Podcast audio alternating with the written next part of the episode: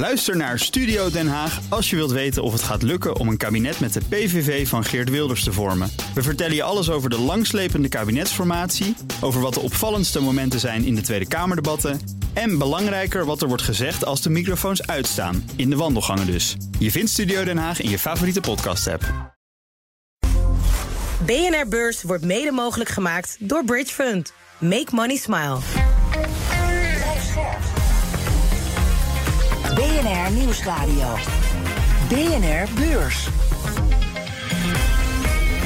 Wesley Weert, Jelle Maasbach. Welkom, goed dat je samen met ons aan de week wil beginnen. En ik kan je melden, dat vinden Wes en ik heel leuk. Goed dat je luistert. Het is maandag 30 oktober, de dag dat de baas van Wolters Kluwer op de gong mocht slaan. Het saaiste beursfonds van Amsterdam, Wolters Kluwer, 50 jaar genoteerd met 20 jaar Nancy McKinstry aan het roer. Het is ook nog een beetje de geluksdag eh, van Wolters Kluwer, want het aandeel krijgt er 1,4% bij en is daarmee de grootste stijger in de AX.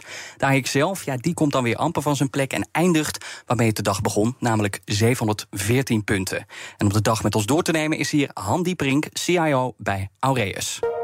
Straks hebben we het over Profi. Nooit van gehoord, nou dat kan. Maar als Ahold-belegger ga je veel meer horen van dit Roemeense bedrijf. Want het is gekocht door Ahold. Zometeen alles over die overname. Maar eerst uh, lopen we door het andere nieuws. Ja, dan begin ik met het ergste bedrijf uit de geschiedenis. ArcelorMittal. En dat zijn niet mijn woorden, maar dat zijn de woorden van de president van Kazachstan. En hij haalt hard uit naar het staalbedrijf. En als je het mij vraagt, wel om uh, goede redenen. Want zeker 45 mensen zijn overleden door een brand in een van de mijnen van ArcelorMittal. It's the worst accident at a Kazakhstan mine since 2006, when 41 miners died at the ArcelorMittal site. En het is het derde ongeluk in een jaar tijd. En volgens Kazachstan is het bedrijf nalatig geweest. En het wil nu af van ArcelorMittal als eigenaar. En het dreigt het bedrijf en al zijn activiteit in dat land te nationaliseren. Maar Han, als ze de boel gaan nationaliseren, wat voor impact heeft dat dan op ArcelorMittal? Nou, op zich is de impact niet zo groot. Het is ongeveer 5% van het totaal, de staalproductie. Dus, uh, en ze krijgen er natuurlijk geld voor. Want als je genationaliseerd wordt, krijg je in principe wel een bedrag voor. Um, maar ja, goed, het zal toch een uh, verlies zijn, omdat ze natuurlijk wel de activiteiten willen houden. Maar uh, ik denk niet dat het dan uh, erg raakt. Nee, ArcelorMittal is trouwens wel de grootste daler vandaag in de AX met een verlies van bijna 4 procent. Ja, dan wil ik aftrappen met Robert Zwaak, de topman van ABN, die verlengt voor nog eens vier jaar. Hij gaat zijn tweede termijn in. Hij kwam begin 2020 binnen en niet bepaald in een rustige periode. Hij moest hard ingrijpen, er gingen veel mensen uit en daarna werd de hele bank op de schop gegooid. Alle niet-Europese activiteiten van de zakenbank werden afgestoten. Er werden minder risico's genomen bij het uh, verstrekken van leningen. De afdeling grondstofhandel werd opgedoekt. En zelfs, dat vonden sommige mensen misschien wel het ergste, mm -hmm. die iconische pand aan de Zuidas werd verkocht. Ja. Kortom, hij greep in. En er gebeurde nog wat, al had Zwaak daar geen invloed op. De staat verkocht aandelen en daardoor is ABN geen staatsbank meer. Ja, Han, ABN is een toontje lager gaan zingen de afgelopen jaren. Maar hoe staat de bank er volgens jou uh, op dit moment voor? Nou, er is niet zoveel over meer van de bank. Hè. Het is ongeveer 11 miljard waard. Ik weet nog dat uh, toen genationaliseerd werd uh, voor 16,8 miljard. Ja. Dat was een uitgebreid onderzocht. Nou, dat bleek toch dat het 8 miljard te veel was. en ja, dat is eigenlijk wat er nog over is. Een soort romp ABN vergeleken met het hele grote ABN in het verleden. De bank noemde zichzelf. Ja, dat, ja? Is, dat kan er wel vanaf, denk ik. Dus het is nu een stuk kleiner. Eigenlijk een lokale speler geworden. En ze proberen af en toe nog wel wat groter te worden. Maar nee, 11 miljard, dat is dus de kapitalisatie over is. Van tevoren werd gezegd een saai accountant aan het roer, maar op zich heeft hij het prima gedaan, toch? Het afgelopen jaar. Nou ja, dat is wel de boel moet je op orde bekrijgen. Dat uh, is aan hem wat toevertrouwd. We hebben net een nieuwe CFO gezien. Dus uh, dat hij nog vier jaar zit, dus voor de stabiliteit is dat wel goed. Ik heb uh, slecht nieuws voor jou, Jelle. Oh? Want Tesla dreigt de titel van grootste maker van elektrische auto's heel snel te verliezen. En misschien wel sneller dan iedereen dacht.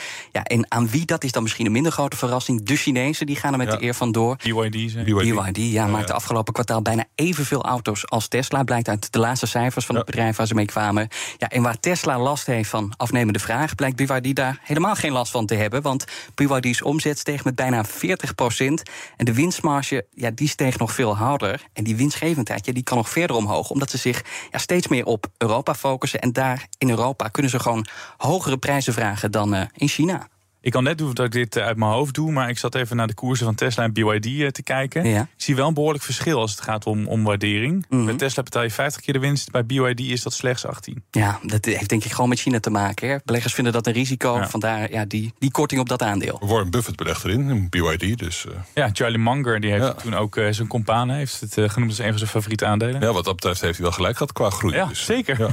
Dan nog even naar eh, een ander oudje. President Biden die maakte zich eerder nog grote zorgen om kunstmatige intelligentie. Hij riep leiders van techbedrijven op: zorg dat de techniek niet gevaarlijk wordt. Volgens hem hebben ze namelijk een verantwoordelijkheid om te zorgen dat de producten veilig zijn voor het publiek. Nou, dat was nog maar een paar maanden geleden. En nu al grijpt hij in. En wat gaat hij doen? Hij komt vandaag met een eh, presidentieel decreet. Dan kan de president kort door de bocht een wet er doorheen drukken. Het ziet er als volgt uit. Bedrijven die kunstmatige intelligentie gebruiken... die worden verplicht om aan eh, bepaalde normen te voldoen. Zie het als een, als een keurmerk. Ja. Biden die komt met regels op het gebied van veiligheid en beveiliging. Er moet, zegt hij, consumentenbescherming komen. Hoe of wat, dat is nog onduidelijk. Maar de Amerikaan, zegt hij, moet dus beschermd gaan worden. En, en waarom wil hij dat dan zo graag? De regering van Biden geeft toe dat ze te laat waren met het aanpakken van de risico's van sociale media. Denk bijvoorbeeld aan, aan Instagram en TikTok. En nu worstelen veel jongeren, zegt hij, met eh, geestelijke gezondheidsproblemen. Nou, ze willen niet dat AI op een verkeerde manier de levens van Amerikanen gaat beïnvloeden. En daarom grijpen ze nu dus in. Zijn de McCroket of de Happy Meal zulke sterke merken dat McDonald's ze flink duurder kan maken? We hebben het zo over deze vette belegging en dus ook over slappe friet en meer zoete frisdrank. Eerst naar Aal Delhaize, want dat gaat op overnamejacht. Prooi is het Roemeense profi dat voor 1,3 miljard euro wordt gekocht. Met de koop krijgt Ahold er in één klap meer dan 1650 winkels bij... en een bedrijf met een miljarden omzet in een snelgroeiende markt.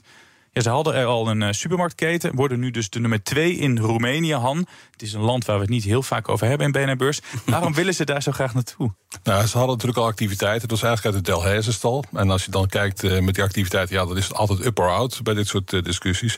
Je wil zo groot mogelijk, dan heb je de schaalverdeling. Ik neem aan dat die twee, als je in elkaar vlecht, dat je de nodige synergievoordelen hebt. Ja.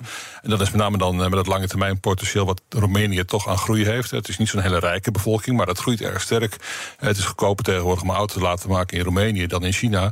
Dus ik neem aan dat er nog wel wat potentieel zit in de Roemeense groei. Eh, de synergie, alleen het is de discussie van aandeelhouders van ja, moet dit nou? Want eh, voegt het inderdaad 5% toe aan de winst? Want de andere manier om 5% toe te voegen aan de winst is door aandelen in te kopen. Het kost 1,3 miljard. De waarde van eh Ahold is 26 miljard, dus ongeveer 5%. En als je die aandelen ingekocht had, dan gaat de winst met ongeveer 5% omhoog. Ja. En dat is zeg maar de, de lat waar die langs wordt gelegd. Dus de ontevreden aandeelhouders zeggen... ja, je had sneller 5% kunnen verdienen Ja. door gewoon aandelen in te kopen. Maar ik denk wel, als je kijkt naar het lange termijn groeipotentieel... als je dan toch marktleider bent op de Balkan... dat is toch wel een plus. Ik denk dat je daar toch wel op Ja. lange termijn wel van gaat profiteren. En ook, ik denk in de synergie, met name als je twee kantoren... dat je die twee netwerken in elkaar vlecht met op de logistiek... ik denk je daar wel eh, genoeg eh, op verdient. En ook qua marge, dat moet lukken. Je bent dus team overname en niet team eh, eigen aandelen inkopen. Het is ook zo simpel, hè? Waarvan we weten het niet meer, we gaan eigen aandelen inkopen. Dit lijkt me, daar zit echt een visie achter. Dat Ja. ze geloven in dat land. Nou ja, je kan natuurlijk altijd eigen aandelen inkopen. Maar dat is inderdaad een beetje, ja, dat als bedrijven dividend uitkeren, dan weten ze het feitelijk niet meer. Je Nee. hebt eigenlijk een bedrijf graag dat alleen maar dat alle cash nodig heeft om het te investeren. Dat zag je jarenlang bijvoorbeeld bij Amazon. Dus iedereen ook discussie. Ja, het is een heel duur bedrijf. Maar als je echt kijkt, alle cash die vrijkwam, die werd geïnvesteerd in allerlei gekke dingen. En dat zorgt uiteindelijk voor de groei in de toekomst. Dus je kan wel alles inkopen. Op een gegeven moment blijft er natuurlijk niks meer van je bedrijf over. Ja. Dus ik denk deze, als je kijkt naar de groeimarkt, die dan de Balkan toch wel is. Als je kijkt naar het potentieel wat mensen nog aan rijkdom kunnen winnen, dan denk ik nog wel dat dat een goede zet is. Wat vind je van die prijzen die ze betalen? Krijgen ze ook waar voor hun geld? Ja, dat is altijd een discussie. Er zat niet echt een overnamepremie in. Dus als je kijkt, dus dat veel wel mee. Het is een beetje een vergelijkbare prijs met andere supermarkten. Dus als je kijkt naar de totale omzet. En ik denk niet dat dat eh, de, de- het grootste probleem is. Het is ook niet echt een land waar je andere beursbedrijven uit ons land over hoort. En toen dacht ik, die zitten dan te slapen. Ahold, die ziet het, hè, door, door Ja. Delhaize weliswaar, door de Belgen die ze toen hebben gekocht. Zitten ze nu in Roemenië? Ik hoor niet echt andere landen. Terwijl, Nou, in het verleden zat ING bijvoorbeeld wel met eh, verzekeringsmaatschappijen. Waar het ook een, zeg maar een, een, een greenfield, hè, dus een, een groeiende markt. Eh, maar voor de rest is de supermarkt natuurlijk vaak de basis. Ook als je in het eh voormalige Oostbloklanden kijkt, zie je toch wel dat dat de eerste stap is naast de banken waar je in kan, aan, kan groeien. Ik zag heel veel jubelberichten, maar ook ze kopen 2,5 miljard omzet. Terwijl ze zelf een jaaromzet van zo'n kleine 90 miljard hebben. Zet dit dan wel zo aan de dijk? Ja, ik denk dat het vooral in de synergie zit met het bestaande netwerk. Dus de vraag is van, ja, als je duizend winkels hebt, wat wil je ermee? Wil je dan uh, een derde of een vierde positie houden? Of wil je echt naar de marktleider toe? En ik denk dat marktleider een groot voordeel heeft. En eigenlijk probeert Ahold dat in alle markten. Maar de belangrijkste markt voor Ahold is natuurlijk gewoon nog de VS... waar twee derde van de omzet uh, vandaan komt. Dus het is een stukje spreiding. Ja. En het is ook niet heel erg groot, maar het voegt wel wat toe aan de winst, zeggen ze, over een jaar. Uh, alleen de vraag is of het dus genoeg toevoegt om dan die 5% extra winstgroei te krijgen die je dan eigenlijk had gehad met de inkoop van aandelen. Verwacht jij nog meer uh, aankopen, die, uh, overnames moet ik zeggen, die Ahold gaat doen? Ze zeggen dat uh, verdere overnames, dit, dit, deze dit overname en verdere overnames niet in de weg zitten. Dus ze kunnen dan gewoon doorgaan met overnames. Jij zei net ook, ze willen overal de grootste worden. De belangrijkste markt is de VS. Hoe zit dat in Europa? Uh, hier Roemenië nummer twee. Hoe, hoe is die verdeling in de rest van Europa? Zijn ze daar al marktleider? Nou ja, ze proberen het altijd. In Nederland zijn ze natuurlijk marktleider. In België ja. zijn ze marktleider. Dat zijn de belangrijkste markten eigenlijk in Europa. Maar veruit de belangrijkste markt is de VS. Daar zijn ze natuurlijk overal gezien niet de marktleider, maar wel in de staten waar ze zitten. Daar zitten ze altijd wel. De, ja, en dat heeft gewoon met uh, supermarktwezen te maken. Dat je logistiek, ketens dicht bij elkaar, inkoopkracht, lokale aanwezigheid, marketing efforts, al dat soort combinaties, dan heb je echt een synergie. En dan heeft het zin, zeg maar, om. Uh, en dan blijf je ook de grootste, omdat je gewoon die voordelen hebt. Omdat je goedkoper kan zijn, dat je de concurrentie aan kan enzovoorts. BNR Beurs. We gaan naar Wall Street kijken. En dan zie ik groene borden. De Dow Jones krijgt er 1,5% bij. De S&P 500 staat er ruim een procent in de plus. En dat geldt ook voor de Nasdaq. En wat opvalt, dat zijn de auto-aandelen. Want de grote drie automakers hebben een akkoord bereikt met hun boze werknemers. Breaking news. All three of the big three are now locked up into tentative agreements with the United Auto Workers. We have confirmed from sources that GM and the United Auto Workers have agreed to, have agreed to a tentative agreement. Het akkoord van GM weten we nog niet precies. Wel dat van Stellantis is. Om je een beeld te geven, productiewerknemers die krijgen er tientallen procenten bij de komende jaren. Ook het startsalaris gaat omhoog. Daar is de stijging een slordige 68 60 procent. Ik hoop dat de hoofdredactie van BNR luistert. Terwijl de vergoeding voor oproepkrachten met maar liefst 150 procent omhoog gaat. General Motors volgt nu na Ford in Stellantis. Wekenlang legden de werknemers de fabrieken stil. Nou, dat kostte heel veel geld. Ford zei dat de staking ze 1,3 miljard dollar kostte. En GM raamt de schade op 800 miljoen. Maar goed dan, dat is eenmalig. Nu heb je dus op de lange termijn veel meer kosten doordat die lonen omhoog gaan. Wat doet dat met de marges? Ja, die zit natuurlijk marges onder druk. Het is overigens niet in één stap. Hè. Het is in tot 2028. En ik geloof dat het totaal ongeveer 25% aan kosten die erbij komt. Maar dan nog, als je nu kijkt, bijvoorbeeld Ford in de eerste negen maanden. Die heeft ongeveer 3,1 miljard verloren op de productie van elektrische auto's. Terwijl die Chinezen dus winst maken op elektrische auto's.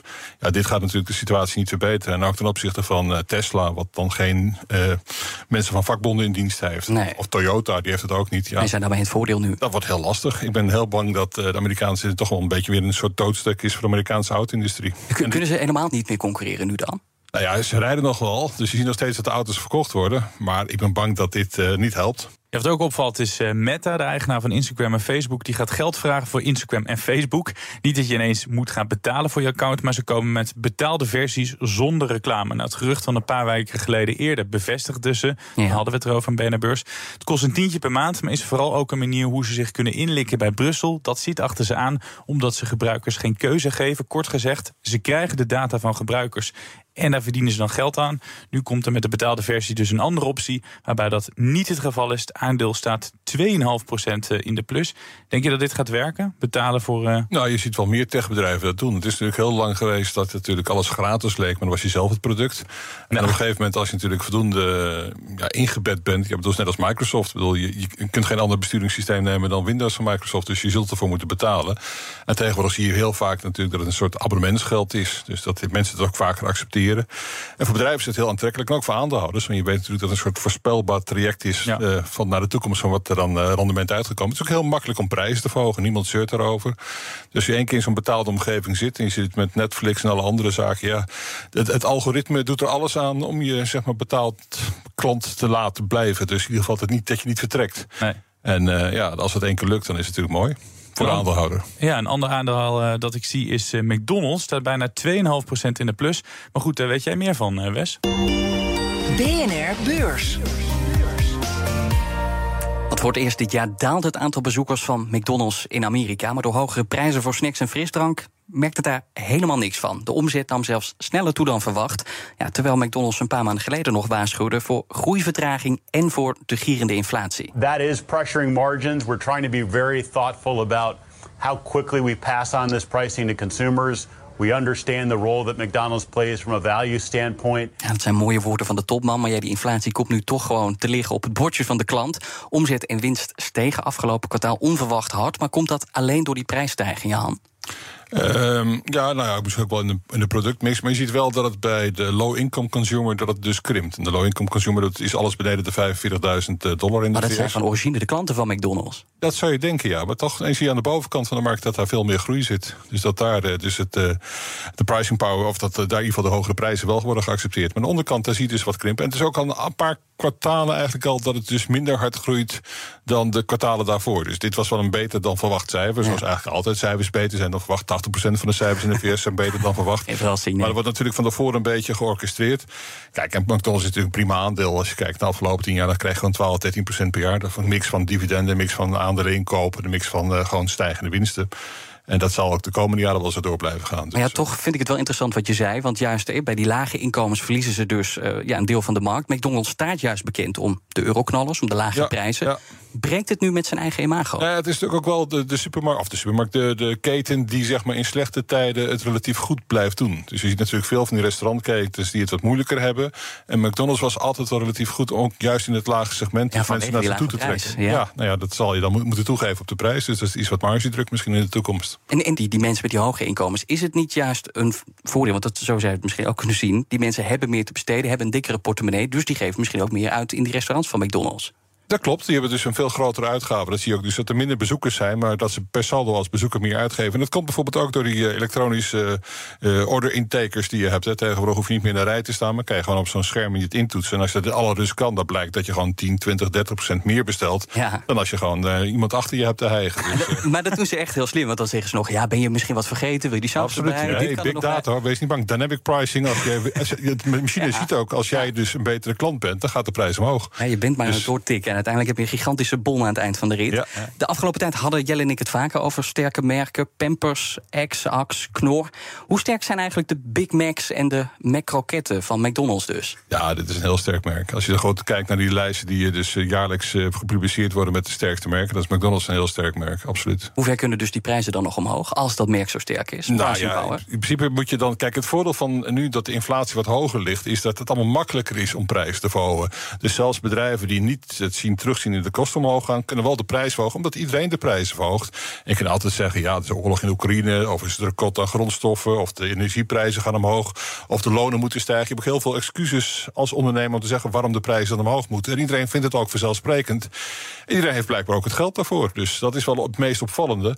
Dus dat eh, ja, heel veel consumenten hebben natuurlijk toch wat geld overgehouden uit de coronatijden. Er zijn salarissen omhoog gegaan, ook in de VS. Dan moet je nagaan dat bijvoorbeeld als je een salarisstijging hebt die dan 5, 6 procent is, dan denk je ja, dat is niet zoveel. Maar een deel is dan van afgeleid van de hypotheekrente die je dan betaalt. En dan wordt er vanuit gegaan dat je dan een hypotheekrente van 8 procent betaalt. Maar de meeste Amerikanen hebben een hypotheek vaststaan op minder dan 3 procent. Dus eigenlijk hebben ze in, in kosten voelen ze niet zoveel pijn. En iedereen heeft een baan, dus het is volledige werkgelegenheid. Dus je bent ook niet bang van ja, ik geef het maar niet uit of ik moet extra sparen. Er wordt ook minder gespaard. Dus eh, ja, eigenlijk zie je dat de economie het heel goed doet. We hebben zo'n 5, eh, zo'n 5% groei heb je gezien afgelopen kwartaal. Zeker, ja. Dus dat kwam ook een beetje door het Barbenheimer-effect. Dus je ziet die films of die concerten natuurlijk ook, eh, die natuurlijk eh, gespeeld zijn. Ja, dat zie je dat het ook heel Ja. positief is. Dus ja, de consumptie doet gewoon goed. Dat is op zich natuurlijk het vervelende voor de beleggers, omdat daardoor ook de rente hoog blijft. hè. De economie blijft sterk groeien. En we willen juist dat natuurlijk de rente wat omlaag gaat. En het moet toch wachten op een recessie of op een groot financieel ongeluk. Maar eh, dat wil maar niet komen. En jij haalde net die, ik noem maar, maar de bestelpaal aan. Dus die paal waar je in ieder geval je bestelling kan doorgeven of de app. Eh, McDonald's heeft dus echt geïnvesteerd in, in, eh, digitalisering. Moeten ze dat de komende tijd nog een keer doen om, om meer klanten te werven? Nou, het is niet zozeer voor de klanten, maar meer om zeg maar, personeel te krijgen. Je hebt natuurlijk minder personeel nodig als je dat soort bestellingspalen hebt. En dat is denk ik ook de oplossing voor de Amerikaanse auto-industrie. Ja, als je dit soort salarisstijgingen hebt, dan moet je gewoon meer robots aannemen. Want die zijn goedkoop, kunnen 24 uur doorwerken. En dat is natuurlijk ook het verschil tussen de oude, traditionele autobouwers en bijvoorbeeld Tesla. Tesla is eigenlijk een heel groot deel gerobotiseerd, dus die heeft helemaal niet zoveel last van die stijgende salarissen. En dus het is moeilijk aan personeel te komen. Dat geldt niet alleen bij restaurantketens of bij autobouwers. Iedereen die moeilijk aan personeel kan komen, moet of het personeel meer betalen. Dat is heel simpel. Dus als je de horeca zegt, ik kan geen klanten, ik kan geen mensen krijgen. Dat is een oplossing voor. Dan moet je meer betalen. Kun je Nou, ook meer vragen. Maar En zo'n robot kan prima bij het tweede raampje, toch? Als je bestelling komt. eh, komt Uh, we, hebben, we hebben de QR-codes, hè? dus dat je zo'n QR-code dat je moet bestellen op het eh, terras. Hè? Dat, eh, en daarna wordt het bezorgd, dus dat heb je al betaald ook. En wat zie je verder als grootste bedreiging voor McDonald's en zijn concurrent als Burger King, die Ah, Pizza natuurlijk. Hut? Natuurlijk wel dus dat het hele duurzaamheid, dus dat het allemaal zeg maar slecht is voor de mensen die er naartoe gaan. Dus die het, het ongezonde eten. Dus ze proberen het wel te verbeteren. Dus ook eh, zonder vlees te zijn. Af en toe wel met de nodige kritiek ook. Eh, en ze proberen wat andere gezondere happen te produceren. Maar ja, ik bedoel, als het eh, zout is en vet, dat, dat is toch wel wat verkoopt uiteindelijk. eh. Maar heel Hollywood zit inmiddels aan de Ozempic, hè, dat diabetesmedicijn. Is dat nog een bedreiging voor, Ja, voor ja, deze bedrijven? Dat is wel de oplossing natuurlijk. Dan op een gegeven moment kunnen en aan de McDonald's en aan de medicijnen. Dus. eh, Tot zover een vette backscore. We gaan kijken naar morgen. Dan komen er de nodige drankgiganten met de cijfers. Jort, collega Sam van Zuilen. Beleggers hebben hun buik nog vol van de cijfers van McDonald's. En nu kunnen ze zich volgieten met alcohol en zoete drank. Ab InBev moet vertellen hoe het zijn marktpositie in de VS gaat terugveroveren. Carlsberg heeft alleen maar te verliezen, want de vorige keer was het de enige Europese bierbrouwer die de verwachtingen overtrof. En Coca-Cola moet laten zien of ze nog een keer zo gigantisch kunnen profiteren van de inflatie. Vorige keer konden ze zonder problemen de prijzen van de frisdrank verhogen. Verder doet oliemaatschappij BP de boeken open. Ook al wordt het een slecht kwartaal, beleggers hoeven niet te vrezen. De vorige keer donderde de winst met 70% omlaag.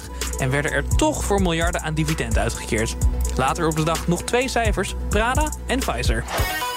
Dit was de BNR Beurs van maandag 30 oktober. En we spraken onder meer over Aal Delhaize... dat in één keer eigenaar wordt van 1650 Roemeense supermarkten. Ja, nog een tip van ons voor jou. Wil je nog meer weten over dit aandeel? Luister dan vooral naar de podcast BNR Doorgelicht... met Nina van der Dungen en Jim Theo Poering. Daar gaan ze nog dieper in op de aandelen. BNR Beurs is natuurlijk jouw favoriete podcast... maar daarnaast ook prima BNR Doorgelicht. Nee, dat is echt een leuke podcast. En dan gaan ze echt dieper in op, op de materie. Ik zou zeggen, gewoon gaan luisteren. Ja, en wij zijn toch net wat sneller. Hè? Wij hebben heel veel onderwerpen, want we spraken na Ahold ook over de stakingen van autobouwers in de VS. Hè, want die lijken na zes weken voorbij. Nu ook General Motors een deal met de vakbonden heeft. En duurdere hamburgers en Happy Meals die leveren McDonald's flinke winst op. Onze gast was Handy Brink, CIO van Aureus. En onze gast op deze 30 oktober. Dankjewel. En wij zijn er morgen weer. Tot morgen.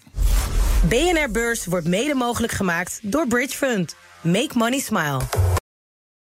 Ook Thomas van Zeil vind je in de BNR-app. Je kunt live naar mij luisteren in Zaken doen. De BNR-app met breaking news. Het laatste zakelijke nieuws. En je vindt er alle BNR-podcasts. Bijvoorbeeld Het Nieuwe Geld. Download nu de gratis BNR-app en blijf scherp.